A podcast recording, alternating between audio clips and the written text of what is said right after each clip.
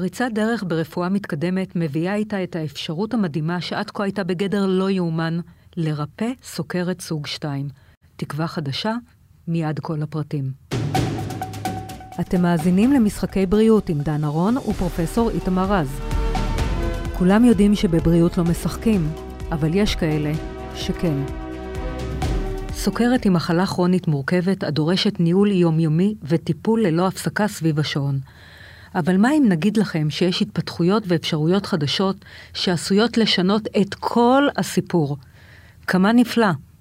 אז מהם התנאים שנותנים אפשרות מדהימה לרפא את המחלה? מהן האופציות החדשות שפותחו ונותנות מקום לתקווה, תקווה גדולה מאוד למיליוני אנשים ברחבי העולם? קדימה, מתחילים. שלום פרופסור איתמר רז.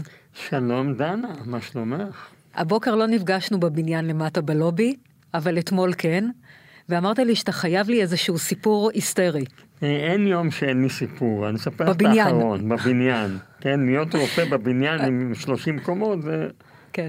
לא קצת מורכב. עבודה, קצת מורכב. יום, אני אתמול בבוקר, בסביבות 10, מקבל דפיקות בדלת. לא, אני פותח, עומד מולי שכן, זו הפוזה? תראה, תראה. אני אומר לו, אל תילחץ. קח מגנזיום, הכל יעבור. אה, הוא פשוט קיבל, איך זה נקרא? רגלי תרנגולת? הוא קיבל התקפצויות. אבל יש לזה איזה שם, איזה שם? לא, הוא, הוא קיבל, יכול להיות גם בגלל שהוא נכנס לפאניקה, מ... כשאתה נושם נשימה עמוקה או הרבה מאוד נשימות, יורד לך כמות החומצה בדם, ואז הקלציום שוקע, ואז אתה עושה את הדבר הזה. אז במקום לשים לו שקית, אמרתי לו, תירגע ותיקח מגנזיום. טוב, אחרי זה אתה חייב לי מי זה השכן, או שאתה שומר לא, על סודית? לא, לא, יש, אה, זה מה שנקרא שמירת סודיות, אסור לי להגיד. טוב, אנחנו התכנסנו היום כי אני רוצה לדבר איתך על סוכרת סוג 2. קודם כל, מדוע אה, הציבור וגם הרופאים לא מאמין בריפוי סוכרת סוג 2? כן, זו שאלה מצוינת, הבעיה היא אפילו הרבה יותר מורכבת. אדם שמקבל סוכרת חושב שזאת מחלה נוראה. זה מה שהוא חושב. נכנסתי, למה לי, למה זה קרה לי, איזה אסון. האסון הוא מאוד מאוד קטן, ובעבר ראו בזה מחלה כרונית שאיננה ניתנת לריפוי, והיום אני טוען, ולא מעט חוקרים בעולם, שהיא אכן ניתנת לריפוי. הפודקאסט נעשה באופן בלתי תלוי וללא השפעה על התכנים, כשירות לציבור על ידי חברת נובו נורדיסק. אז בואו רגע נחזור אחורה. איך מאבחנים סוכרת? תראי, לפ... פעמים רבות לא ניתן לאבחן. זאת אומרת, יכול להיות לך סוכר מאוד גבוה בדם, ולא תרגיש כלום, תרגיש מצוין. הרוצח השקט. אבל פעמים רבות יש סימנים. זה יכול להיות שתייה מרובה, צמא, שתייה מרובה. אה, כאילו כל הזמן צמאים? כל הזמן צמאים, שותים הרבה מאוד, רוצים מאוד מתוק דווקא, השתנה מרובה, ירידה במשקל. אתה לא יודע מה זה. זה סימן לא טוב, תורידי, תורידי, תורידי. מסתובבים לי פה, כן. זה סימן לא טוב. כל היום אני בולסת, אה, כן. אבל, אבל, אם את שואלת אותי אה, איך מאבחנים סוכרת, למעשה הדרך לאבחן סוכרת זה לבדוק. Mm-hmm.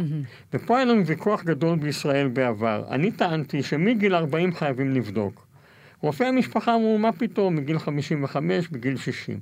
ככל שעולים בגיל, הסיכוי לקבל אה, סכרת, אה, עולה. לזכות בסכרת עולה? נכון, בגיל okay. 40 אוקיי. הסיכוי הוא 2%, 3% מהאוכלוסייה, אבל אם אתה מגלה את זה בגיל 40 ומטפל נכון, כל חייך משתנים. עכשיו, כל כך פשוט לבדוק אם יש לך או אין לך סוכרת. אז זהו, איך מגלים אותה מוקדם? אוקיי, אז אפשרות אחת זה לבדוק סוכר באצבע. יש היום אפילו מכשירים. תבדוק סוכר באצבע. מכשירים מה, ביתיים? מכשירים, ב... כן, אתה יכול לרכוש כן, מכשיר. כן, אבל למי... אה, לרכוש מכשיר? כן, אבל. מי שבריא, מי, מי ילך וירכוש אוקיי, מכשיר? אה, יש אפשרות. יש אפשרות, נגיד. אבל היא לא ישימה. אפשרות כן. אחרת היא לעשות בדיקת דם שנקראת A1C. A1C זה כמות הסוכר בדם שלך בשלושת החודשים האחרונים. איך יודעים את זה? כשיש כמות דם, כשיש כמות סוכר גבוהה, הסוכר נדבק לכדוריות האדומות. ואנחנו בודקים כמה, כמה נדבק. ככל שנדבק יותר, ככה אתה כנראה סוכרתי. כלומר, אין איזה שהם סימנים. זה בבדיקות שגרתיות שאנחנו צריכים לבקש מהרופא, נכון. או להיבדק לבד ולקנות מי שמגדיל ראש, לא אנחנו, נכון. והולך וקונה את המכשיר. יש עוד דבר. אגב, רגע, יש לי שאלה, פרופסור, אה, מה ההבדל, מה זה סוכר גבולי? אוקיי. כן. אז תראי, הסו- הסתכלו על זה לפי מה קורה לאנשים לאורך זמן, ומצאו שאם רמת הסוכר הממוצעת היא בין 120 ל-130, לקחו את המספר 126, אני לא אסביר פה למה, אוקיי. כי זה שווה גם לשבע במילימול, למספר שבע שהוא עגול, וראו שבין 120 ל-130, אם יש לך בצום, אתה כנראה תפתח יותר סיבוכים בעיניים במשך השנים הבאות. ולכן החליטו שזה סוכרת. אבל יש גם דבר שנקרא טרום סוכרת. מה זה טרום סוכרת? טרום סוכרת זה מצב שבו רמת הסוכר בצום היא בין 100 ל-126, או רמת... כלומר, אם יש לי 110, אני בטרום סוכרת? אפילו אם יש לך 104. באמת? את בטרום סוכרת. עכשיו השאלה מה המשמעות של זה, אולי נכון. נדבר על זה אחר כך, אבל יש לזה משמעות. כשאתה בטרום סוכרת, סיכוייך לעבור לסוכרת גבוהים יותר, וגם כשאתה בטרום סוכרת, אתה כבר בסיכון יותר גבוה לעיתים למחלות לב, לאירועים מוחיים, וואה. לא לפגיעות בעיניים ובכליות. אז בעצם איך עוברים מטרום סוכרת לסוכרת? איפה, מה, מה האדם עושה? הוא לא, הוא אבחן את עצמו נכון, ולכן הוא הידרדר והגיע, הוא פשוט דפק שוקולדים והגיע לסוכרת? לא, זה בעצם תראי, העניין? נכון. כלומר, בטרום סוכרת אני יכולה לעצור את את לא רק הנקודה יכולה הזאת? לעצור, את יכולה לרפא. כן. אז אני אגיד לך שני אוקיי. דברים. קודם כל, היום יש את הסנסור, שאתה יכול לשים אותו, ולעקוב אחרי רמת הסוכר כן, אבל לא כל 24 מי. שטרום סוכרתי ישים עושים סנסור. זה. הרבה עושים את זה. למה? כי הם לומדים מהם סוגי האוכל שמקפיצים להם את הסוכר. ואז הם יכולים ל- לתכנן יותר נכון את האכילה שלהם. אבל רובנו לא עושים את זה. אבל לא מעט אנשים עושים את זה. אוקיי. אוקיי, אבל דבר נוסף... אה, כאילו מישהו הוא טרום סוכרת. אתה מציע לו להפחית דברים אה, כמו פחמימות שיש בהם סוכר, לאו דווקא השוקולדים והמחשבה הקלאסית של אה, סו, סוכר.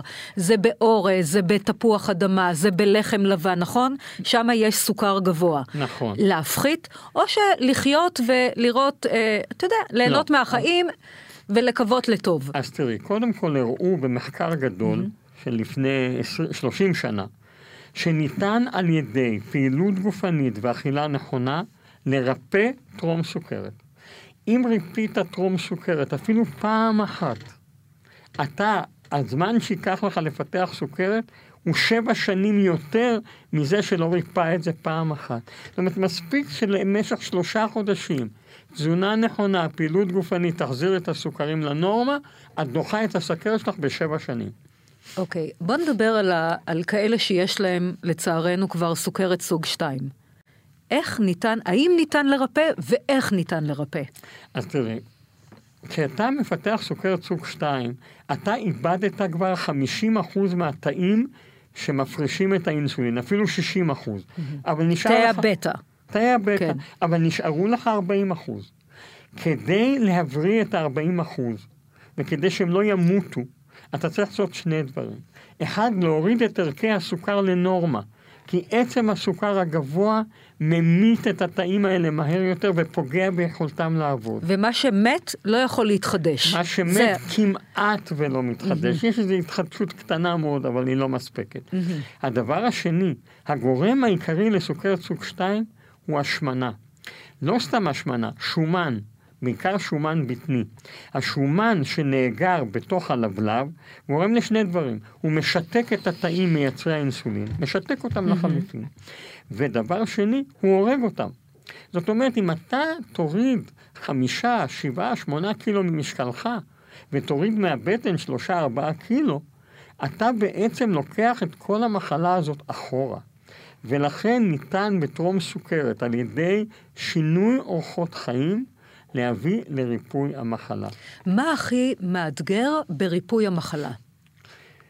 תראי, הכי מאתגר בעיניי זה הורדת המשקל והצורך אה, לשנות קצת את, ה, אה, את צורת האכילה. אבל אני מניחה שיש גם אנשים רזים עם סוכרת סוג 2. נכון. מה האתגרים שלהם? אז זאת שאלה מצוינת, דנה. יש אכן אנשים, ובאנשים האלה האתגר העיקרי הוא לנרמל את רמות הסוכר. כלומר, להביא אותם לנורמה. איך?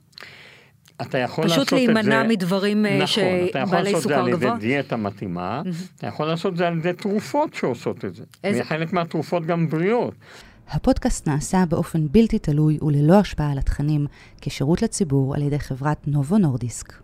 פרופסור רז, בוא נתקדם לריפוי המחלה. דבר מדהים לכשעצמו. מהם פריצות הדרך בתחום? תראי, יש לא מעט פריצות דרך uh, בעשור האחרון ששינו לחלוטין את כל התפיסה שלנו לגבי הטיפול בסכרת והריפוי של שאין. הסוכרת.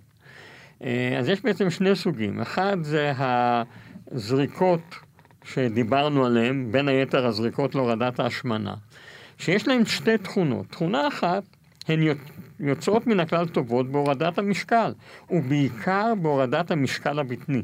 בעיקר בהוצאת השומן מהכבד, מהלבלב ומהשומן הבטני. הדבר השני, מעבר לזה, הן חזקות, הן התרופות הכי חזקות להורדת הסוכר. חוץ מאינסולין, שהוא תרופה שמשמינה ועושה נפילות סוכר, ולכן התרופות האלה הן משנות חיים.